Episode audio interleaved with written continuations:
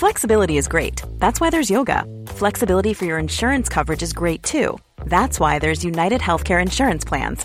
Underwritten by Golden Rule Insurance Company, United Healthcare Insurance Plans offer flexible, budget friendly coverage for medical, vision, dental, and more. One of these plans may be right for you if you're, say, between jobs, coming off your parents' plan, turning a side hustle into a full hustle, or even missed open enrollment. Want more flexibility? Find out more about United Healthcare Insurance Plans at uh1.com. Hey Dave. Yeah, Randy. Since we founded Bombus, we've always said our socks, underwear, and t shirts are super soft. Any new ideas? Maybe sublimely soft. Or disgustingly cozy? Wait, what? I got it. Bombus. Absurdly comfortable essentials for yourself And for those facing homelessness. because one purchased equals one donated. Wow, did we just write an ad?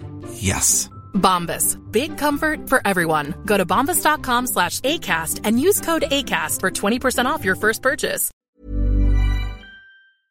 Hallå! Simon Gärdenfors heter jag och snart börjar min podcast Arkivsamtal. Nu är den släppt! Min standup-timme Vesslan finns nu på vinylskiva. Den går att beställa för ynka 219 kronor på ginsa.se. Men om ni hellre vill lyssna på den digitalt så finns den på Spotify. Där ni även hittar min första standup-skiva En slapp timme. Dessa ståupptimmar finns även som filmade specials på YouTube. På YouTube hittar ni också min sitcom Mina Problem. Det finns tre avsnitt ute nu och jävlar vad bra grejer det har skrivits om den. Tittare har kallat avsnittet för genialiskt, magiskt och fantastiskt. Så kolla på den du också. Vill eh, någon se mig live så hittar ni alla mina kommande standup-gig på gardenfors.blogspot.com. Vill ni höra mer poddar där jag medverkar så lyssna på Specialisterna Podcast som släpps varje vecka. Då undrar ni förmodligen. Men Simon, du släpper så mycket grejer gratis som vi bara kan se och ha roligt åt. Är det inte dyrt att själv producera en sitcom och en filmad special? Och sen bara ge bort allt gratis? Hur gör du för att överleva rent ekonomiskt? Kul att ni undrar. Det är på grund av ett gäng schyssta jävlar som stöttar min verksamhet som entertainer. Kanske allra bäst på patreon.com arkivsamtal genom att pytsa in ett par dollar per avsnitt. Eller att bara swisha 0760 72 47 28. 0760 72 47 28. Men om du är luspank så kan du väl åtminstone följa mig på Instagram. Det är väl det minsta man kan begära. Där heter jag atgardenfors. Men nu kommer Arkivsamtal som klipps av min redaktör Marcus Blomgren. Mycket nöje.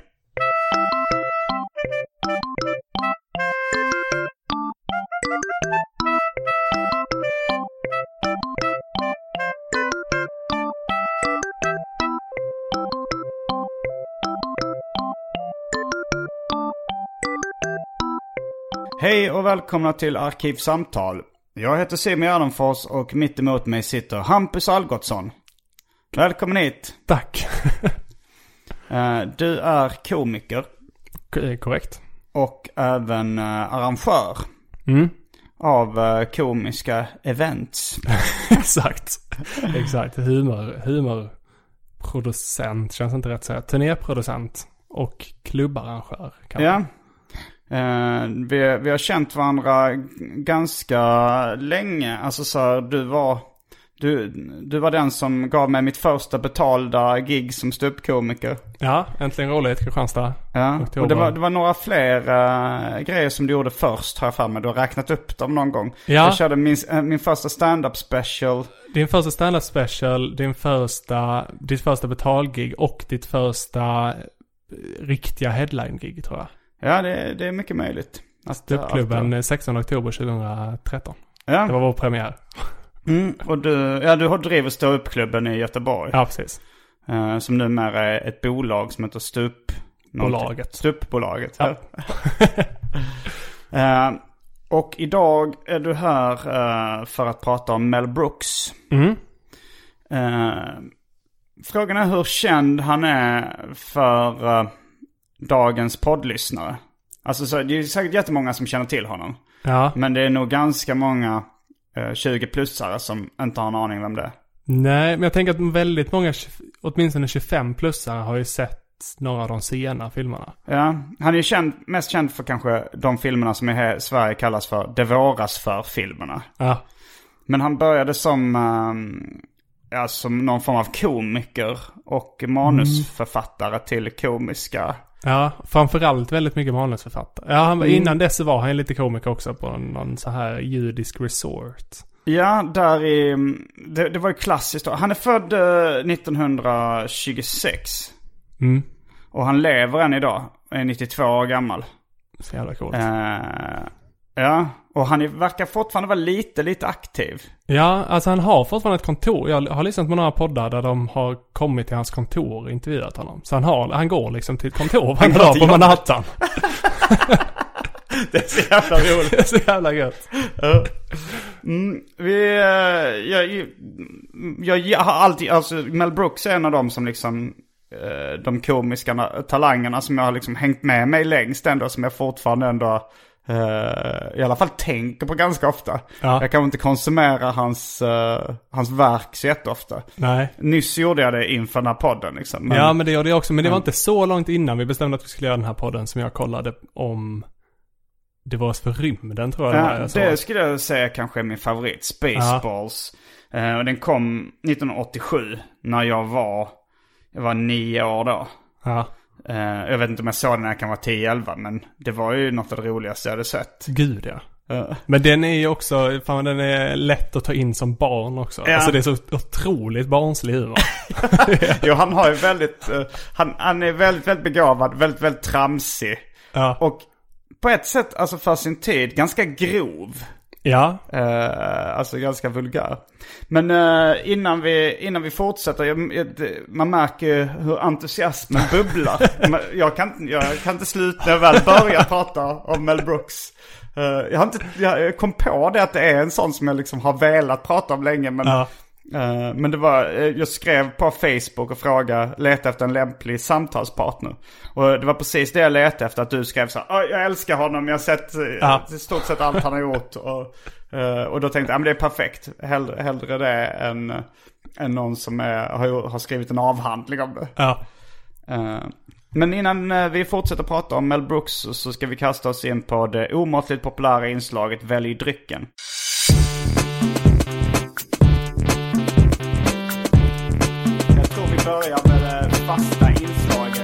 Drycken! Mm, det här är din debut i Arkivsamtal som gäst. Eh, du kanske Som om- gäst. Du kan bli Inte som lyssnare. några gånger. Ja, det, ja. Jag tänkte att det var, inte var min debut som lyssnare. Det är säkert vissa som eh, är med i Arkivsamtal som aldrig har lyssnat på det. Ja. Jag ska gissa på att Dogge Dockelit aldrig hade hört Arkivsamtal innan han var med till exempel. Ja, det kan vara sant. Eh, men då har vi em, en favorit i repris, Hawaii Gay Club. Finns till och med färdigblandad i, i kylen. För jag och min flickvän tyckte det var en bra idé att när vi kom hem typ eh, klockan ett på natten igår att blanda den här Hawaii Club. Men sen tyckte inte hon det var speciellt gott. Hon tog typ en klunk. Men jag tyckte det var gott men jag ville inte liksom sitta och sänka en, en söt partydrink själv. Och vi var rätt trötta så det, vi bara, jag ställde in dem i kylen färdigblandade. Uh, Hawaii Gay Club. Sen finns den, den israeliska druvsaften Anavim. Uh, något av en festis-variant. Fanta Zero. Lagunitas IPA styrka 6,2. Uh, sockerfri äppelkiwi-dryck. Morsur tror jag det uttalas. Siciliansk citronsaft. Eh, ekologisk havredryck av märket Garant. Fizzy Cola. Eh, Gojoy, eh, Gojoy energidrink. Egils maltextrakt. Red Bull i smakerna kiwi, tropisk apelsin och cola. Häxblandningen, det vill säga alla drycker som fanns i min kyl innan den genomgick en så kallad corporate rebranding. Och för tråkmånsar och nejsägare, vatten. Gött. Ja, vi kan inte låta Hawaii Gay Cluben gå till spillo. Nej. Om den redan finns. Så att jag tar eran gamla Hawaii Gay Club. En klunk drucken och bara... Ja men då tar jag den andra Hawaii Ja. Gay Cluben. Gött. Då är vi strax tillbaks med dryckerna. Kända från det omåttligt populära inslaget Välj drycken. Häng med!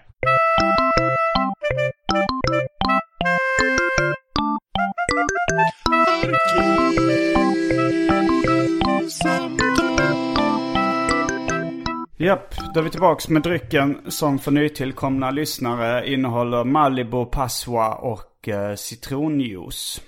Och då liksom lemonad som det också kallas. Eh, förvirrande begrepp det där med, för att man tänker citronsaft eller citron, liksom. Ja. För det är egentligen citronsaft, då tänker man sån eh, som man sprutar ur en gul eh, citron, plastcitron. Ja, ja, ja precis. Eh, Eller, precis. eller sådär. Eh, Alltså, och om man säger lemonad, som det också kallas, då, då är det vissa som kallar det läsk. Hallonlemonad och sånt där finns det ju. Ja. Eh, Men det är sånt som finns i Brämhults eller andra märken. Det här är nog av något ICA-märke. Den är väldigt söt. Mm. Vad tyckte du om den då? ja, men det var gott. Mm. Det var eh, väldigt mycket Passoa. Eller? Ja, det är nog mer Malibu kanske. Men den är just är inte lika dominant. är det också. Ja. Det, men eh, ja men då kör, då kör vi vidare. Mm. Ehm, du läste en biografi, eller började läsa en biografi. För jag, jag letade efter eh, biografier om Mel Brooks då. Ja. Och jag Ja. frågade runt och någon sa så ah, men det, är, det finns någon på gång som ska komma snart liksom. Eh, och då och tänkte jag att det, det är någon cynisk jävel som väntar på att han väntar ut hans död. Som Ja. har en färdigskriven, Mel, en genomarbetad Mel Brooks dokumentär och vet att det kommer bli en hit. Men när, eftersom han är 92 år gammal så... eh, Jag, jag tänker att det är en författare som sitter vid sitt... Eh, att bokförlaget är på honom hela tiden. Är du klar med biografin snart? Jag har bara ett kapitel kvar. Du Vänta tror inte lite. bokförlaget äh, tänker lika ekonomiskt som författaren? Det känns mer ett bokförlags roll att tänka på ekonomin än författaren. Ja, det kanske är tvärtom. Författaren tycker han är Ja, klar. Men alltså, bokförlaget ja. är så. Ja men det känns som att det saknas ett kapitel i den här boken. Jo, men är det hade varit lite frustrerande att läsa eh, om en 92-åring. Tänk om det händer något så här. Ja men tänk om man till exempel, Bill Cosby är väl nästan lika gammal, eller var han Ja. 80 plus i alla fall. Ja. Eh, och att man skriver en biografi om honom och så ger man ut den och så händer och så liksom blir det de här eh, skandalerna som Ja. blev med Bill Cosby precis innan han dör. Eller eh, det här, de kanske, ja det kanske Ja, men alter, alternativt om man har den, att man, den är på tryckeriet och på väg ut i butik och ska släppas nästa vecka, att han dör då. Alltså att man bara, bara grejen att veta att man inte Ja, har fått jo. in dödsdatumet i boken. Ja, jo det hade varit störigt. Och sen så är frågan ifall, ifall det skulle vara så här. Om det skulle brisera en metoo-skandal. Då är frågan om boken säljer mer, mer eller mindre. Att det förmodligen mindre. Då kanske de säger okej ut med boken. De måste veta att den här nyheten är på väg. Men det känns inte som Mel Brooks, nu kan man ju inte veta, men det, han känns som en soft person tycker jag. Ja, fast alltså... Nu har du läst. Ja, jag har ju läst, jag har läst, jag är på eh, nästa kapitel kommer handla om eh, Springtime for Hitler, hans första film. Som ju inte heter ja. Springtime for Hitler, The Producers. Eh, Så du har, du har eh, läst så att jag har läst allting fram till det som verkligen är intressant. Ja.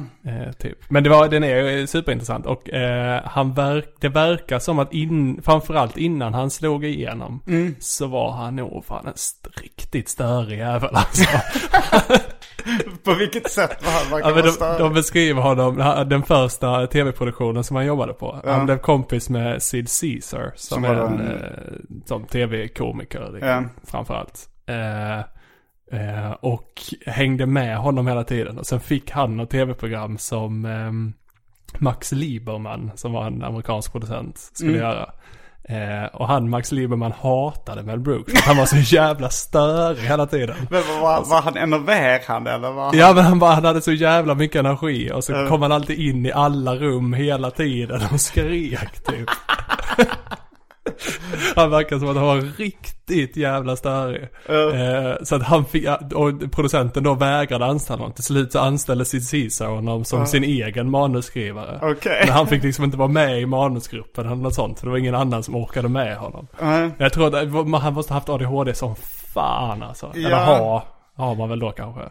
Att han har det fortfarande. Ja, Ja, jag, men, eh, ja, han var även som gammal hade han väldigt mycket energi. Ja, Eh, jag, jag såg honom i, ehm, i eh, Comedians in Cars Getting Coffee.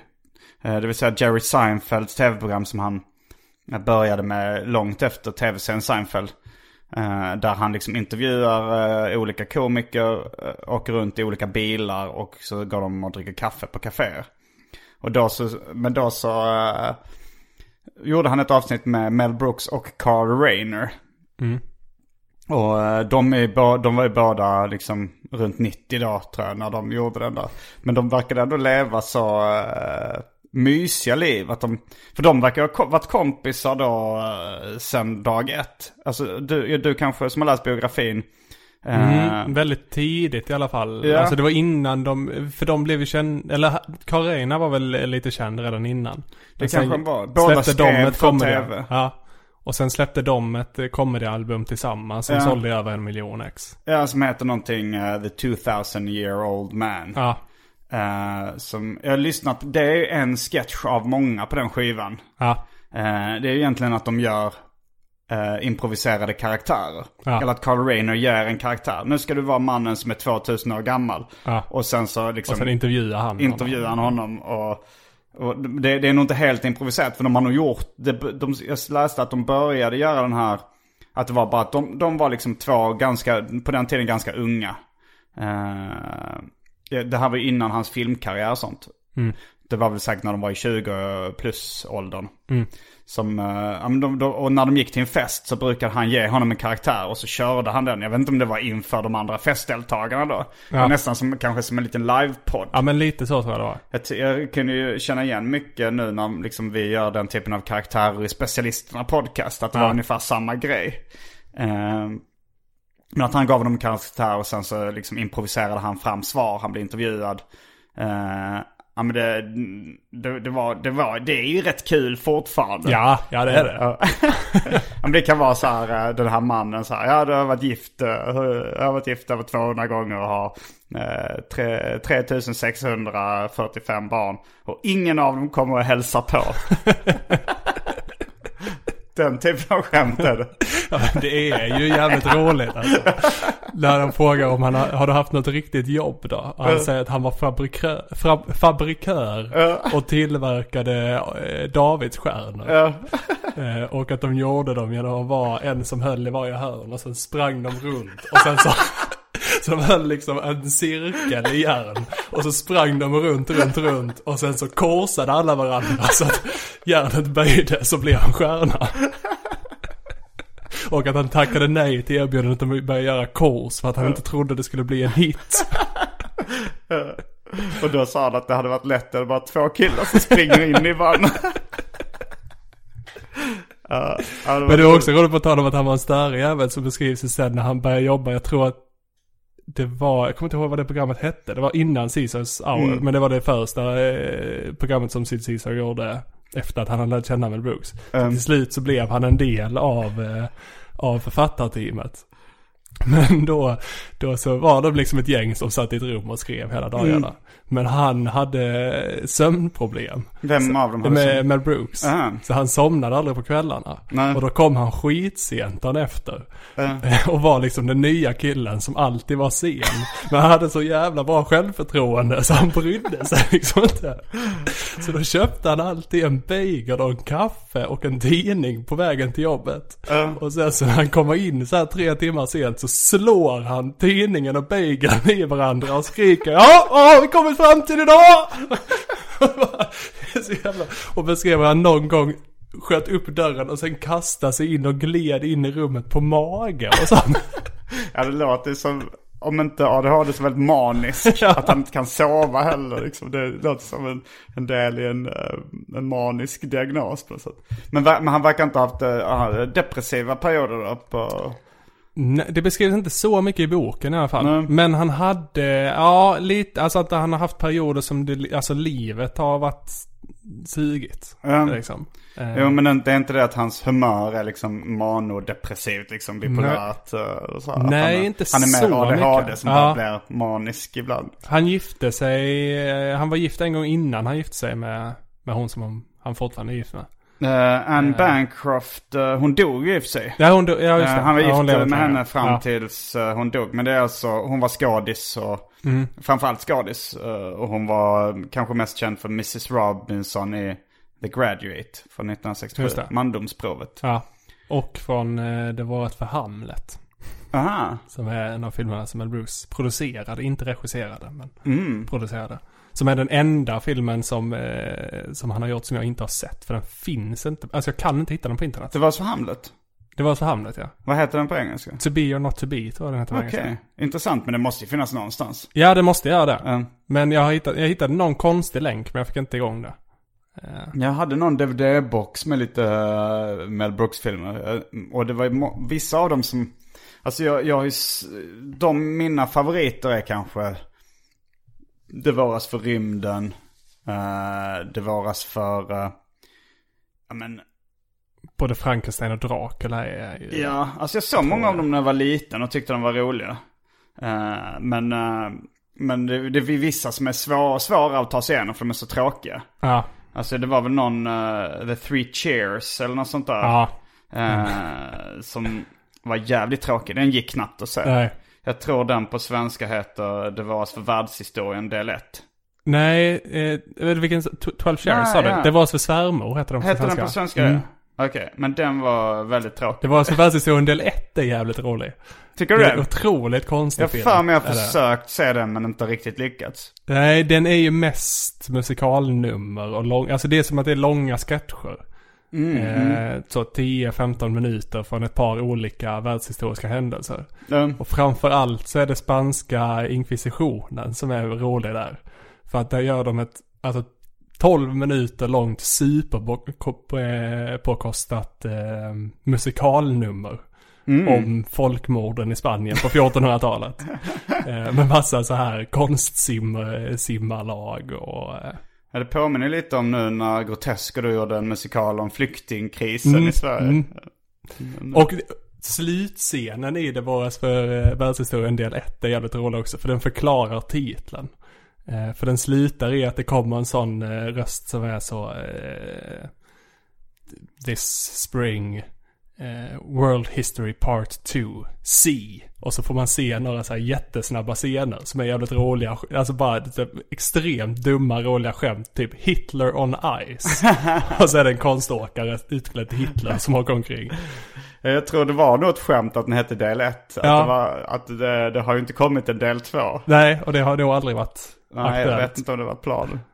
Eh, men, men skulle du säga någonting om hans första fru? Han var gift. För Mm. jag, jag har ju läst på om honom på internet. Alltså, eh, hans eh, amerikanska Wikipedia-sida är ju som att läsa liksom en längre artikel. Det, Mm. det tar ju ändå ganska lång tid att ta sig igenom den. Men där stod det, han var gift i ungefär tio år med någon först. Skulle du säga någonting om henne? Ja, nej men där verkade det ganska mycket som att han var ett, eh, ett eh, svin.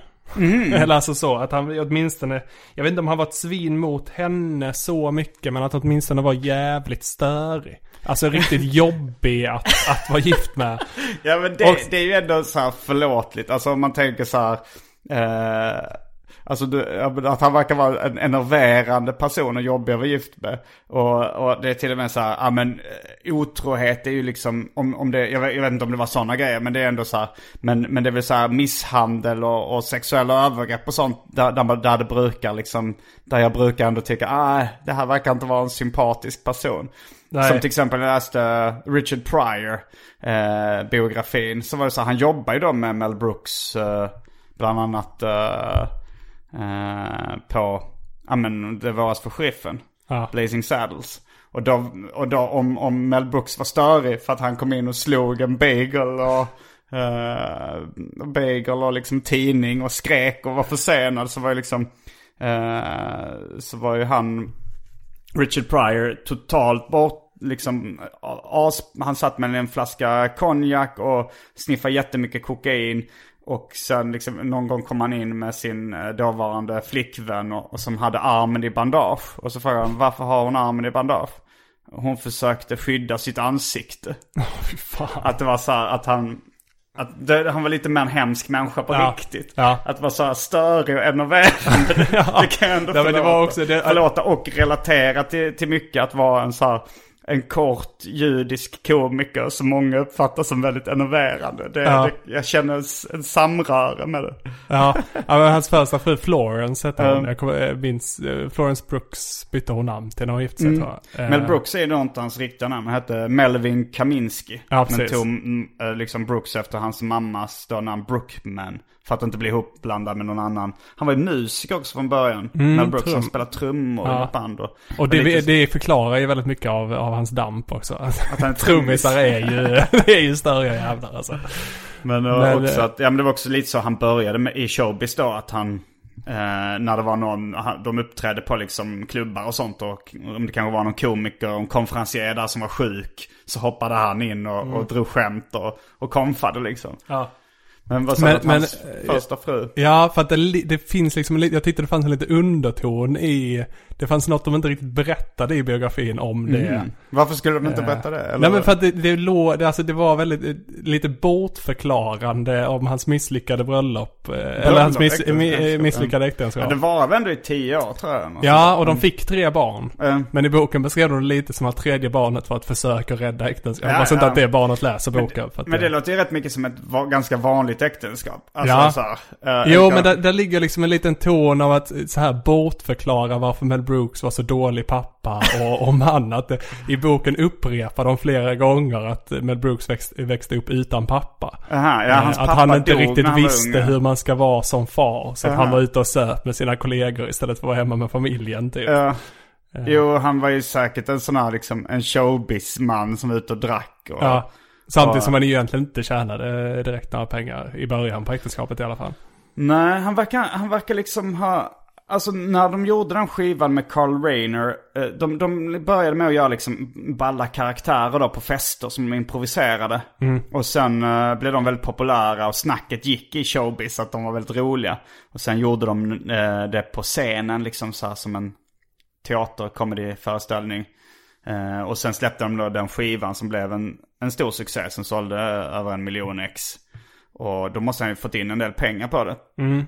Men sen så det tog det rätt lång tid innan han, eh, innan han blev en eh, succéman liksom. Ja, för att han, det var när han jobbade på dels det första programmet eh, med Sid Caesar och sen The show of shows. Show of Shows är det Mm. det heter, precis. Och sen jobbade han ju på Caesars Hour. Som var Sid Caesars nästa program. Mm.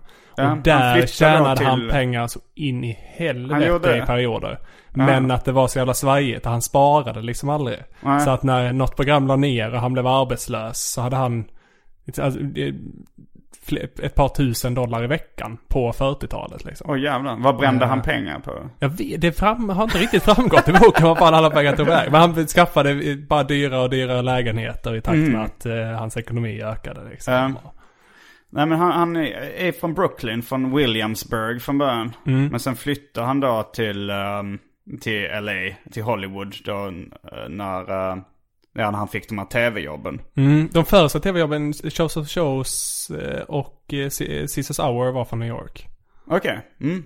Så han bodde i New York ganska länge. Och det var då han lärde känna de Carl Reiner som han började göra eh, de här comedy-sketcherna med. Men det var också rätt roligt att, eh, att de fortfarande är kompisar då. Att de, för i den här uh, Comedians in Cars Getting Coffee så hänger de varje dag och kollar på Jeopardy tillsammans. Så, alltså deras fruar är döda då. Ja. Så de har, men de, men de har liksom ändå sin, sin bästa polare. Som, Ja. som, de måste ju ha varit kompisar då i, vad blir det? Om de är i 90-årsåldern Ja, nu kom, eh, när kom skivan? Eh, jag Fem- vet faktiskt inte. det, 50, f- 50-tal någon gång. det? Ja. Jag tror det. Ja, och, och var, var det de showerna på 50-talet också? Ja, Som har ju säkert känt varandra i 60 år minst eller någonting. ja, Det är ju jävligt länge. ja verkligen.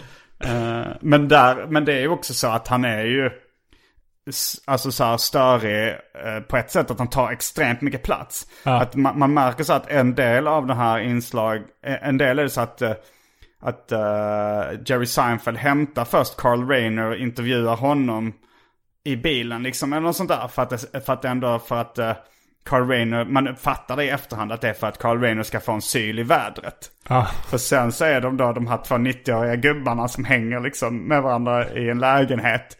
Och Mel Brooks dum, är så jävla dominant. Liksom. Ja. Att han bara, han skämtar, han vitsar, han ska, han ska hela tiden ha uppmärksamheten. Han ska hela tiden liksom vara den som får sylen i vädret. Det är, det är amerikanska motsvarigheten till det klassiska avsnittet av TS-knas när Petter eh, poddar med Niklas Andersson och Peter Apelgren. Och det är en och en halv timmes podd där man bara hör Peter Apelgren. Ska du se Peter Apelgren nu i Stockholm eller? Han Nej. uppträder väl ikväll tror jag. Ja, ja, han ikväll. På Rival. Improvising. Jag har inte sett den, här. jag funderar på att gå faktiskt. Så.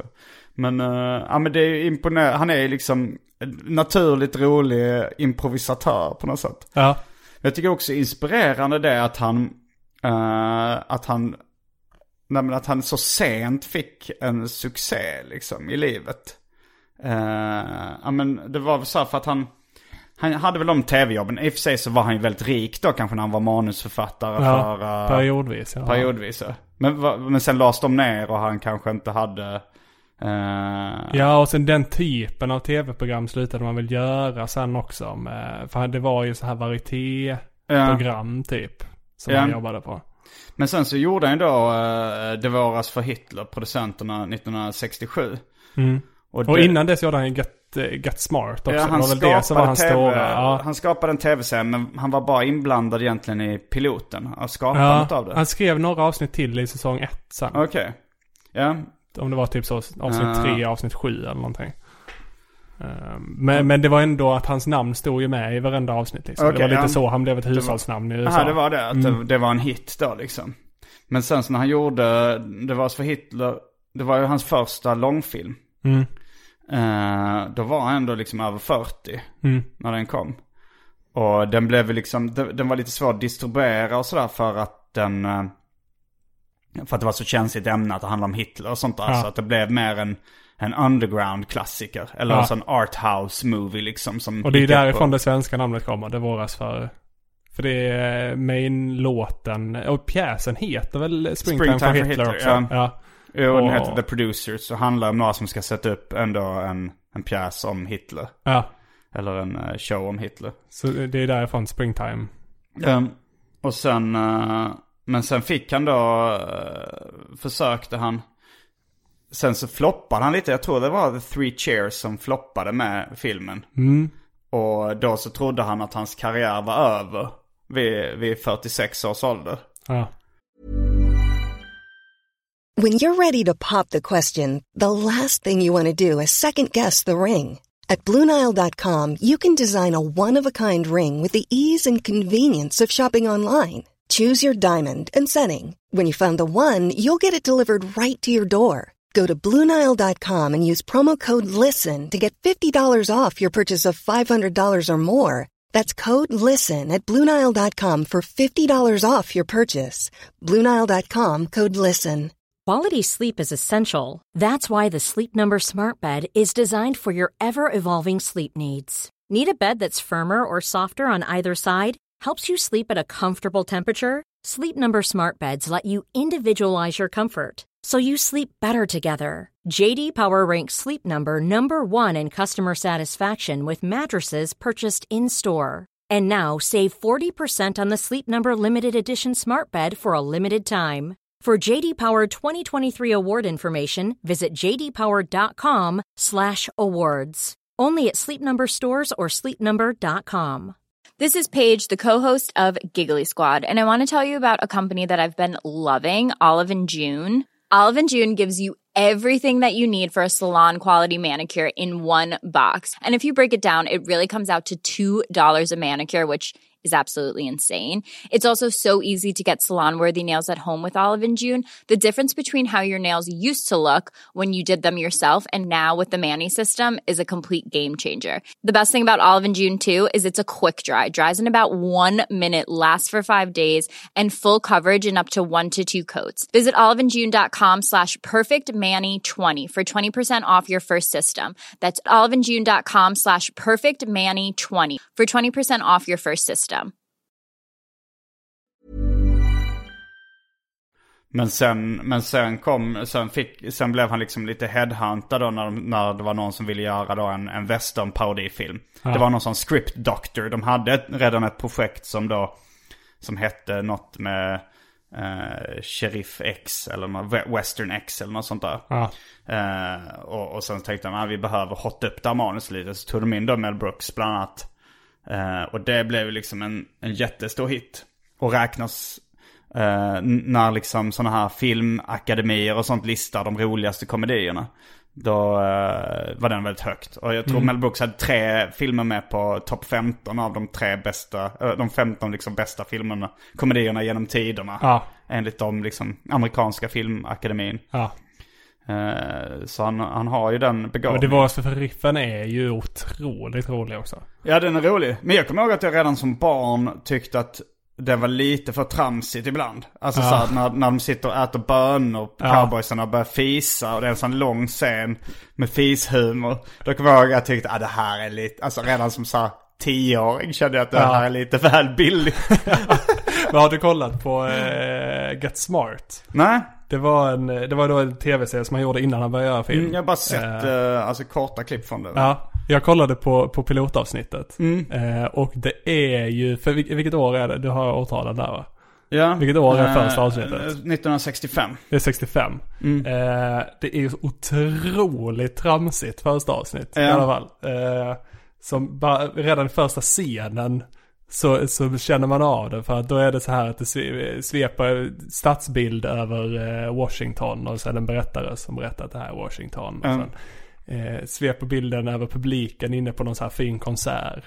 Och så är, det en berättare som är så här är en eh, konsert och eh, eh, i det här rummet så finns det en person som jobbar för vad nu den här eh, organisationen som han jobbar, agentorganisationen Mm. heter.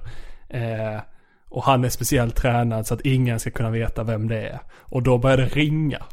Det är en sån gammeldags telefonsignal. Ja. Och han reser sig upp och går ut ur rummet. Och går in i en garderob och tar av sig en sko som är en mobiltelefon. Som låter svinhögt när det ringer. Och låser in sig i garderoben.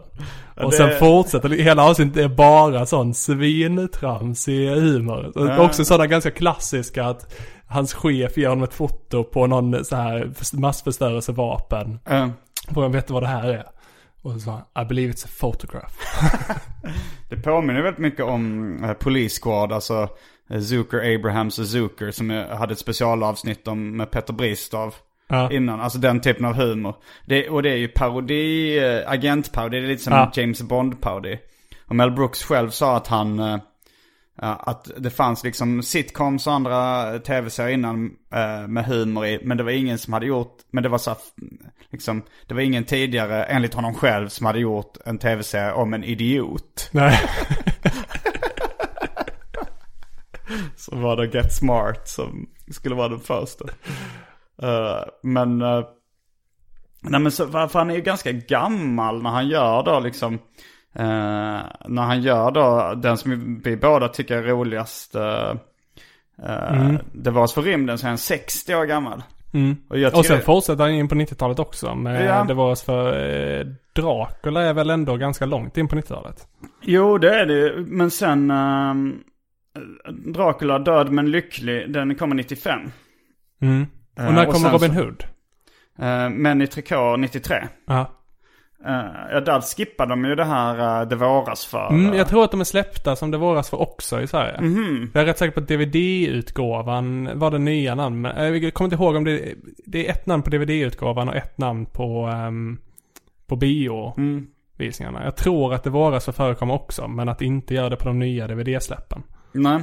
Att det är Men där det var ju då dumpat. Springtime for Hitler som blev Det våras för Hitler. Sen bara fortsatte det med den andan. Ja. Och jag tror att Mel Brooks själv har uttalat sig om att eh, de här filmerna verkar vara extra populära i Sverige. Och att det eventuellt skulle kunna göra med att de Ja. har här tydliga franchise-stämpeln på sig. Ja, och det, men det känns också som att det inte finns så stort intresse för regissör. Alltså att man inte så mycket, kanske framförallt tidigare, inte så mycket har kollat på vem det är som har regisserat. Nej, Och gör man inte det så blir det liksom inte så tydligt. För att i USA så har de ju alltid marknadsfört som Mel Brooks Ja, ja, ja. eh, Spaceballs och Okej, Mel. Brooks. Ja, att han är ett namn där på Mm. det sättet. Ja. Eh, men jag kommer ihåg att jag vet inte om det var att jag blev för gammal sen eller, eller inte. För det var liksom så här att jag älskade ju Det var oss för rymden. Och sen så 1991 kom Det var oss för slummen.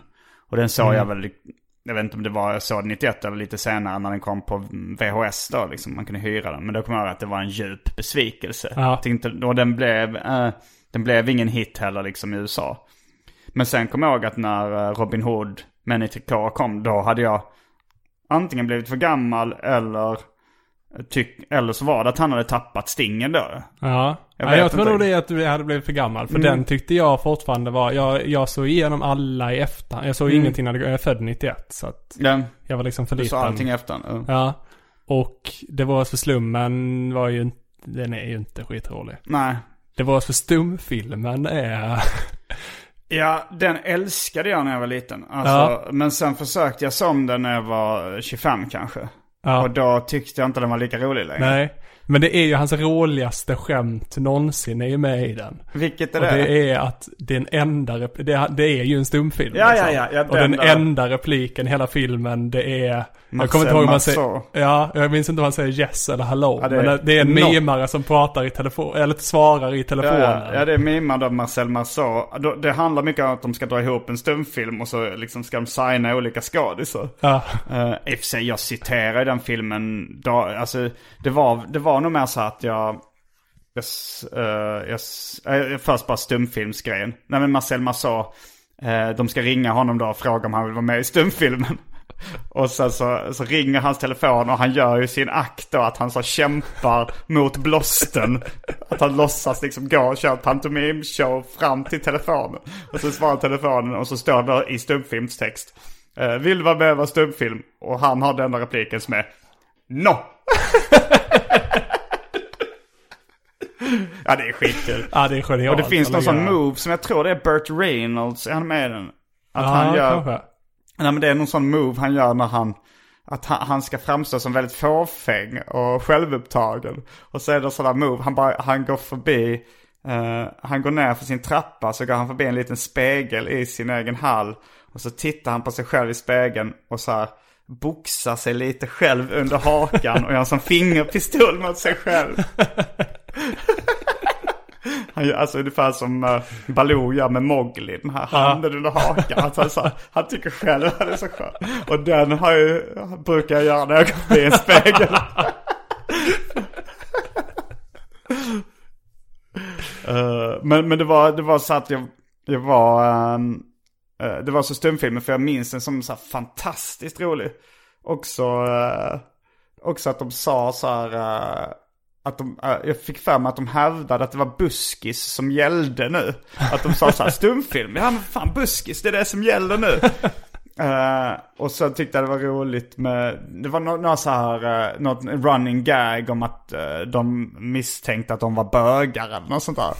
Jag kommer ihåg i textramsan, fikusar är det någon gammal tant som skriker. men, eh, men det var så att jag, det var precis när jag hade flyttat till Stockholm.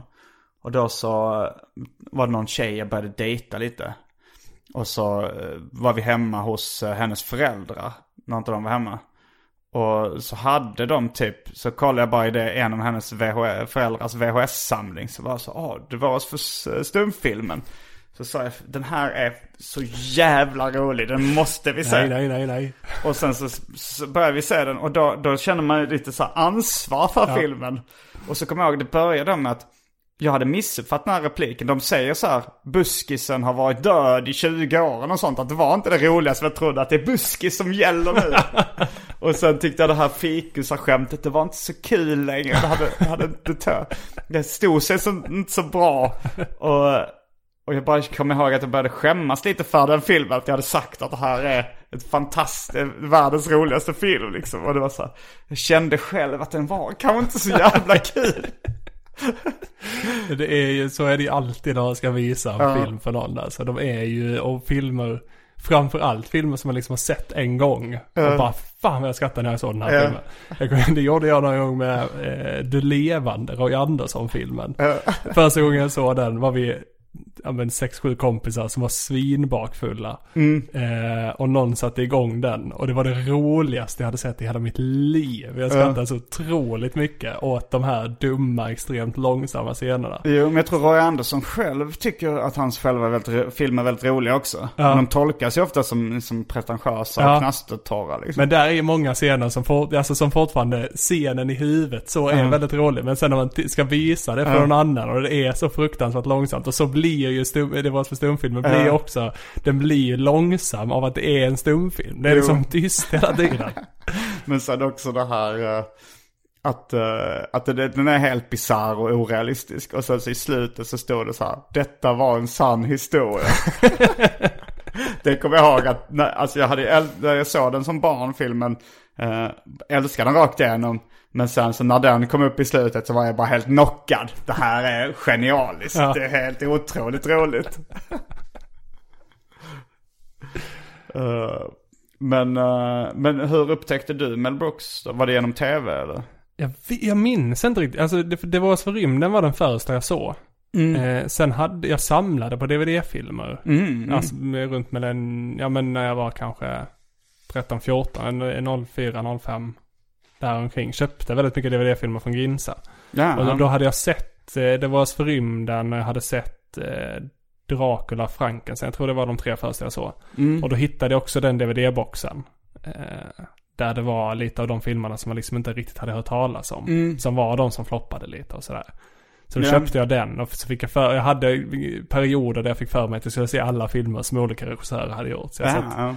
Jag satt i ett år och Så du har kollade sett på alla Mel Brooks-filmer? alla utom, eh, det var så Hamlet. Men den är Ja, inte riktigt, ja. för det är inte han, han har inte varit med och skrivit den. Det är Ja, okej, en... då är det ehm, lite... Jag, jag, jag är med cred åt manusförfattandet liksom. Ja. Kanske en regi. Ja, Eh, för det är där han, han är producent och spelar huvudrollen i den. mhm. Eh, men det är en annan regissör och det är en gammal, alltså det är en nyproduktion av en gammal film. Ja, ja. Eh, så att den räknas inte riktigt. Jag tror mina föräldrar, kanske framförallt min pappa, gillar Mel Brooks-filmerna väldigt mycket. Mm. Uh, jag kommer också, det var för Galningarna. Just det. eh, som är då eh, Mm. rätt mycket Hitchcock, Mm. eh, Vertigo, parodi. Den kommer jag ihåg att jag gillar mycket. det gjorde jag ett misstag då när jag skulle kolla igenom olika regissörer. Ja. Först kollade jag igenom alla Mel Brooks filmer, sen kollade jag igenom alla Hitchcocks filmer. Så jag, och jag hade liksom inte koll på att det var en Hitchcock-parodi heller. Nej, eh, när jag såg den första gången. Nej, jag vet så jag inte satt bara, det. jag fattade, jag tyckte inte jag fattade någonting av den. Alltså jag tyckte Nej. den var ganska dålig för att jag var så, eh, Jag, jo, i och för sig, jag kanske hade sett Hitchcock-filmer på tv då också. Men jag kommer ihåg att jag tycker, alltså mycket av det tyckte jag var kul även om inte jag fattade referenserna. Men det var också så som barn att man tyckte ibland det kunde vara kul att det var lite snuskigt eller lite kiss och Ja. bajshumor eller Ja. bara så här. att någon klär ut sig. Och, där är ju den klassi, extremt klassiska att det är en som tar av sig en mask. Ja. Eh, Alltså så att det ser ut, alltså det är en av skådisarna och sen så tar han av sig en mask så är han en annan. Som är så uppenbar. Så att han ser ut exakt som Mel Brooks när han har en mask på sig. Och sen tar han av sig den och ser helt annorlunda ut. Eh, Alltså han måste, Mel Brooks-filmerna måste ju vara liksom, eh, liksom föregångare i de här parodifilmerna, alltså som, som sen kom Scary Movie-serien och vi snackade Ja. tidigare om uh, Zuko Zuko Abrahams-filmerna och sånt där. Men jag tänker ändå att, eh, alltså Blazing Saddles, Get Smart var ju för sig en parodiserie och det var ju han som hittade på den. Och, men Blazing Saddles var ju så här beställningsuppdrag att det skulle vara då en parodi på westernfilmer. Ja, Han är ju också med senare i uh, Simma Lugnt Larry. I fyra avsnitt, Mel Brooks. Det handlar då om, eh, eh, för alltså Larry David som är eh, kanske min största idol. Hans största idol är Mel Brooks. Han, eh, jag har hört Larry David håller något form av tal på, jag tror det kan vara när eh, Mel Brooks fyller 80 eller något sånt. Eh, och då berättar Larry David att han, att han eh, fick en skiva. eh, att han lyssnade på den comedy-albumet The 2000 year old man. Eh, och han tyckte det var så roligt, alltså så här, han, eh, alltså för, för hans föräldrar undrade vad det var för fel på honom för han skrattade så högt åt den. De hörde liksom inne på hans rum. Och, eh, och, han, och han tyckte det var så kul och, han, och när han liksom började fundera på yrkesval och sådär. så tänkte han så att jag kommer aldrig bli så här rolig. Det är inte lönt att jag försöker bli komiker. För jag kan aldrig bli så rolig som Mel Brooks är på den här skivan. Eh, och han sa så att han, så han bara hängde hemma och sina, bodde hemma hos sina föräldrar, var arbetslös och, och, eh, och liksom han, det var, tog jättemånga år innan han eh, Uh, innan han liksom då skaffade sig en karriär, vågade ta steget och bli en karriär, för, blev, få en karriär som komiker. Ja. Uh, så på det, ta, på, det, på det talet han har till Mel Brooks här. Uh, My parents they were worried, they worried to death, they're dead to die. Today, you killed my parents.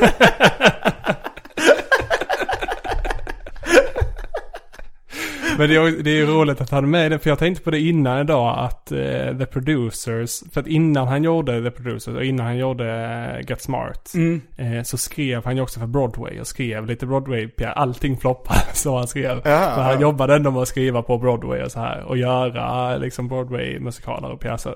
Ja. Ehm, Ja, men så det The det Producers, den är ju lite så som Crashing och Simma Lugnt Larry och Seinfeld. Alltså just det här att skriva om sin egen miljö, att det utspelar sig i det man själv jobbar med. Ja. Liksom. Men det är ju roligt också för han har ju den här förmågan då eh, att dö och komma tillbaks. Ja. Att det är så att det går åt helvete för honom. Han, och, jag menar, att han då vid 46 års ålder tänkte att hans karriär var över. Ja. Det tycker jag är så inspirerande. Ja, det är så här, verkligen. "Åh, Jag har bara gett upp så här och sen så går det jättebra och sen så går det dåligt igen. Och så. Ja.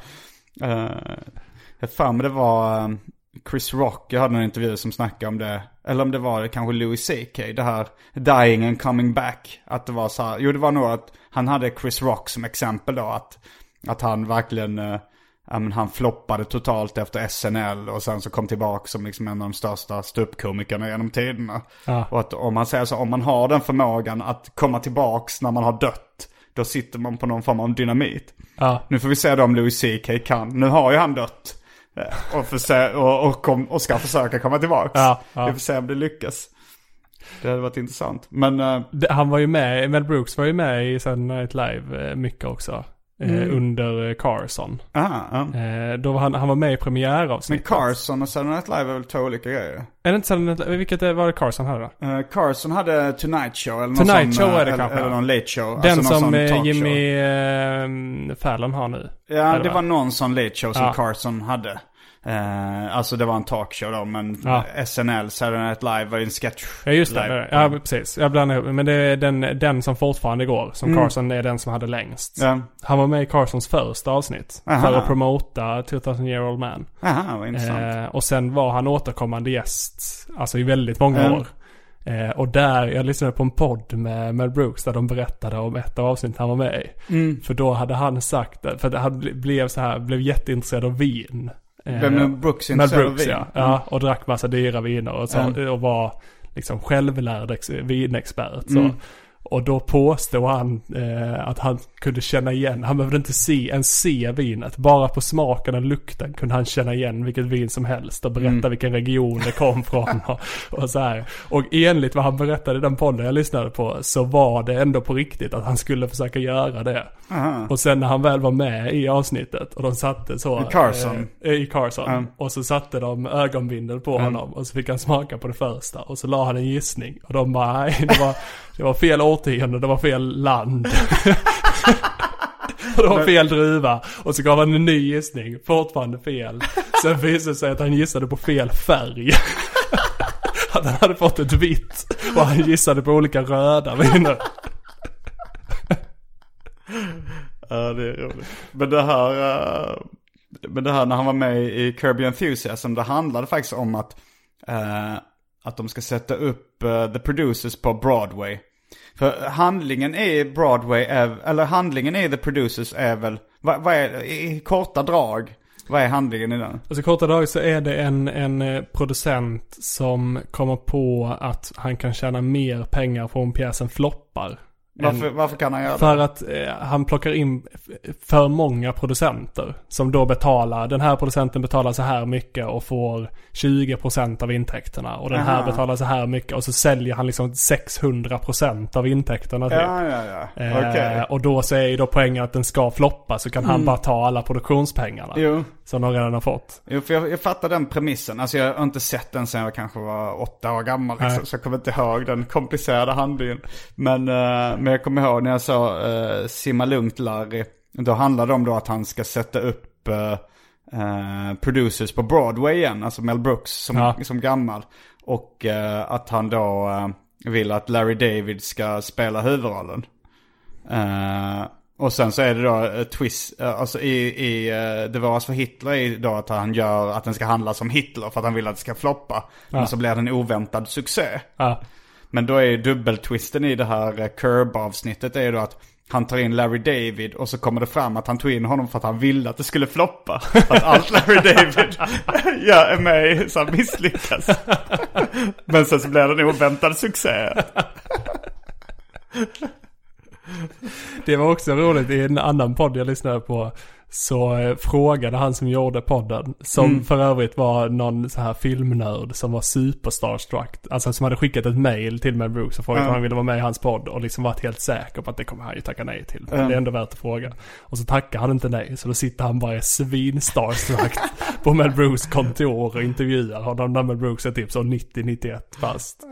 Eh, vad gör han på kontoret Jag vet tiden? inte riktigt. Han, han jobbade med ett projekt för två år sedan i alla fall. Men jag tror inte han sa vad projektet var för någonting. Aha. Men han som intervjuade frågade om han skulle göra fler av sina filmer till Broadway-musikaler. Ja. Eh, och då sa han, liksom över 90 år gammal och bara nej vi får se kanske i framtiden. Men gör man det nu så känns det som att folk kommer vara så, ja nu ska han göra alla, nu ska han bara tjäna ännu mer pengar och göra alla sina filmer. Bara, nej men det kommer ingen tänka om en 91-åring. att han ska profitera på sina gamla succéer.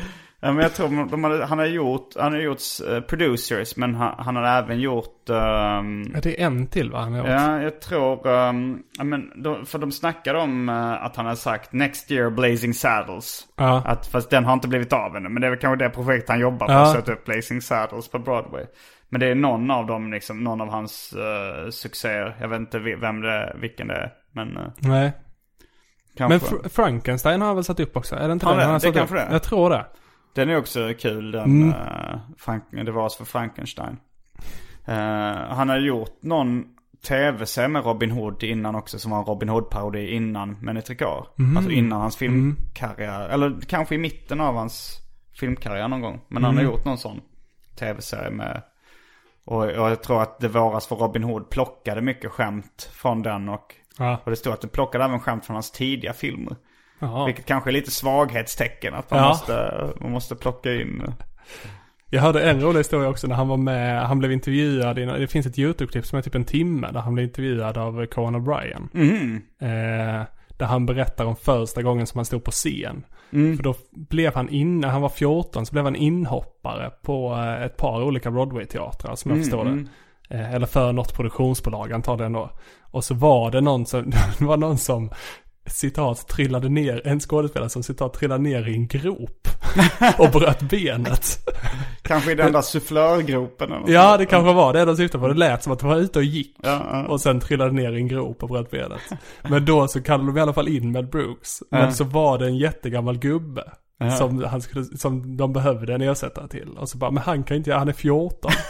Eh, och så, men så visade det sig att Mel Brooks kunde alla repliker redan. Och det var eh, den, just den, han kunde liksom alla repliker hela pjäsen. Ja. Just den karaktären hade typ så två repliker. Så då blev det att de så här sminkade honom svinmycket och satte på honom peruk och sånt. Så skulle han spela den här gamla gubben. Och så när han står på scen så ska han ta, en, eh, ta han upp ett glas vatten precis innan han ska säga sin replik. Och så tappar han det, glaset. Och det är ett så här kristallglas som bara går i tusen bitar och det skvätter vatten på scenen. Och det är helt knäppt och det här var en seriös pjäs liksom. Och det är helt knäppt till hela salongen. Det han gör då är att han går fram till scenkanten, tar av sig sin lösmustasch och peruk och säger I'm only 14, I've never done this before.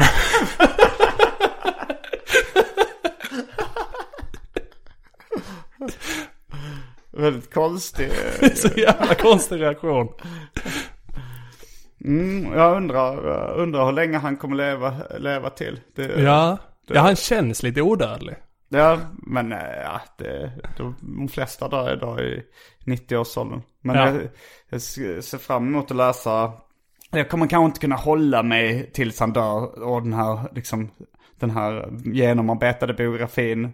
Vad heter den biografin du håller på att läsa nu? Jag blev sugen på att läsa. It's good to be the king. Okej. Eh, som ju då är ett citat från eh, Det var världshistorien del 1. Mm. När han är den franska kungen och gör Ja, en, ja. en rap om att det, det är bra att vara kungen. För då, den är också så här, den är jävligt utdaterad. Det är väldigt mycket så att man kan metoa alla om man är kung typ. Ja, men det, om det är en karaktär som säger det så kan det. Ja. Men eh, de kan inte problematisera det tillräckligt. Nej, det gör de inte så mycket kan jag säga. Ja men han, han gjorde ju sån Hitler-rap också i, eh, i eh, Ja. The Producers. Ja, är det det? Eller är det Det var för Hamlet? Nej jag tror att det är Hitler-rap. Eh, va? Jag vet faktiskt inte. Jag, Nej, jag, tror är lite osäker. För jag löst, såg men- någonstans att det stod, ja, jag, jag kan bara minnas att jag har sett den som lösa YouTube-klipp. Mm. Och så stod det någonstans att den är från Det var för Hamlet. Mm. Eh, För han det- återkommer till Hitler ganska ofta också. Ja, han är, verkar vara fixerad vid, Ja. vid Hitler. Och Robin Hood. Ja.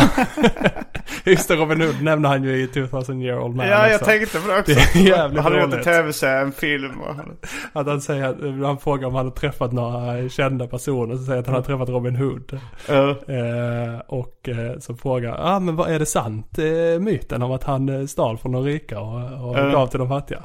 Nej, nej, nej. Han stal från alla och behöll allt själv. det var bara det att han hade ett bra PR-team. Ja, ja, men det, det kommer jag ihåg. eh, att, ja, men det är förmodligen då att han, han skohornar in det skämtet han har om Robin Hood. Ja, Eh, men det kommer jag ihåg jag läste i en Katte Nisse-serie när jag var liten. Det är säkert, de har säkert snott det från den. Ja. men att det var, det var något sånt gäng, han är ju katt då, så var det ett gäng skurkar som var fåglar. Och Robin är ju då rödhake. Så var det en som hette Hood Robin. Och som, där det stod om honom. Ta från de rika och behåller det själv. men då kommer jag ihåg min farsa sa så här, ja men eh, eh, så var det nog rätt mycket i verkligheten också. Jag vet inte om, jag kan ingenting om Robin Hood. Han var väl baserad på en verklig person. ja, Som kanske var lite mer sån, tog, tog från alla och behöll det mesta själv. Att han Ja. var mer en, en skurk än en hjälte liksom. ja.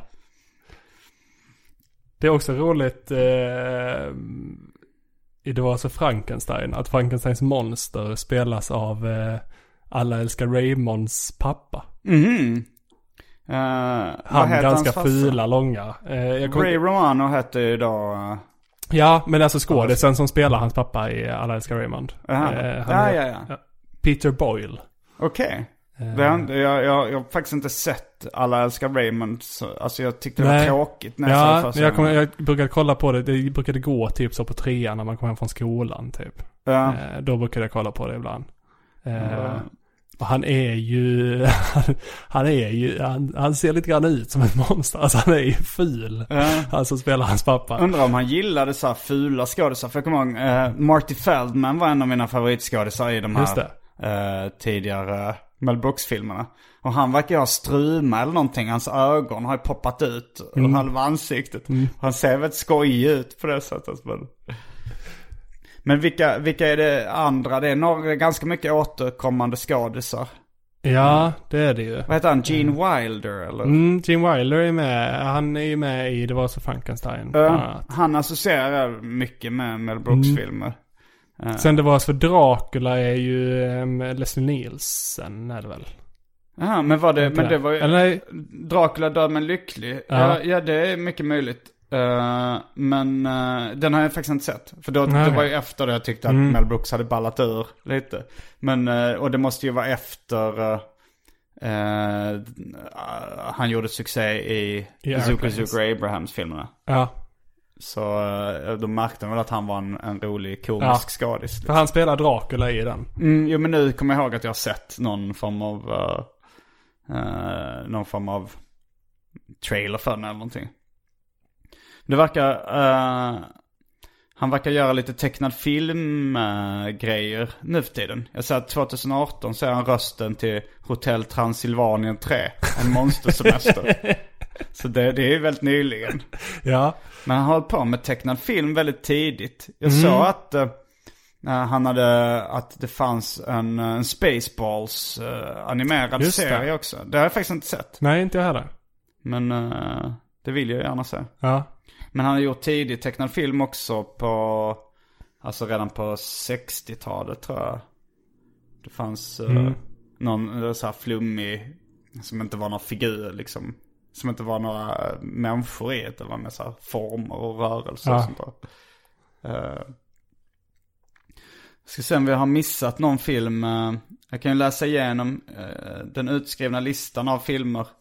Innan, vi, innan vi knyter ihop den här säcken totalt. Av de som jag har sett liksom och, och gillat. Eh, ja men som sagt, Det var för stumfilmen är en tidig då. Uh, det var för galningarna. Eh, och sen, eh, ja sen tycker jag nog att, eh, att det var för rymden. Nu- Nu är jag inne på den svenska Wikipedia, utsk- utskrift från den svenska Wikipedia-sidan. Så där, här kanske det inte finns med kompletta. Men jag minns det som, jag minns det som ännu fler filmer. Det hade varit roligt. Ja. Ja, här kanske inte, ja, det, det är för mycket, för mycket grejer som jag inte känner till här på den här listan som sa 1982, berusad av framgång, exekutiv producent, ej krediterad. är det verkligen någonting av med i listan på filmer i urval? Ja, men jag tror väl att vi har hunnit med det våras för filmerna i alla fall. Mm, ja, vi har hunnit med. Och det har gått över en timmes inspelning så... Ja. Han Eh. berättade i, eh, när han var med i eh, den här Conan O'Brien-intervjun. Så berättade han om premiären för The Producers. Ja. Att det kom fram en man efteråt som var svinarg. eh, för att han skämtade om Hitler och sa eh, I was in World War II. Och Mel Brooks var det I was in World War II. I didn't see you there.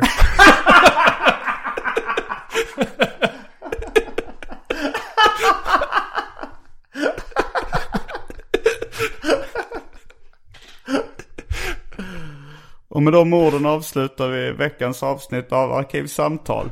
Jag heter Simon Gärdenfors. Hampus Algotsson heter jag. Vad sa du?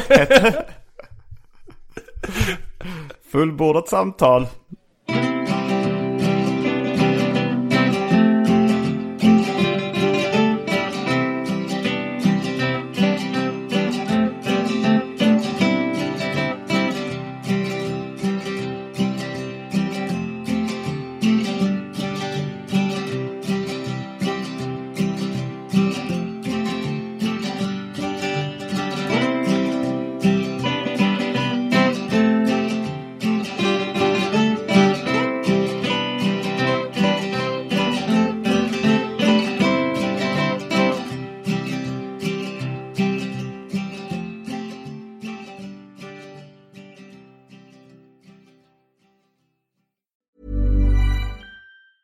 Planning for your next trip? Elevate your travel style with Quince. Quince has all the jet setting essentials you'll want for your next getaway, like European linen, premium luggage options, buttery soft Italian leather bags, and so much more. And is all priced at 50 to 80% less than similar brands.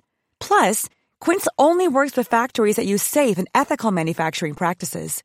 Pack your bags with high-quality essentials you'll be wearing for vacations to come with Quince. Go to quince.com slash pack for free shipping and 365-day returns. A lot can happen in the next three years. Like a chatbot may be your new best friend. But what won't change? Needing health insurance. United Healthcare Tri-Term Medical Plans are available for these changing times.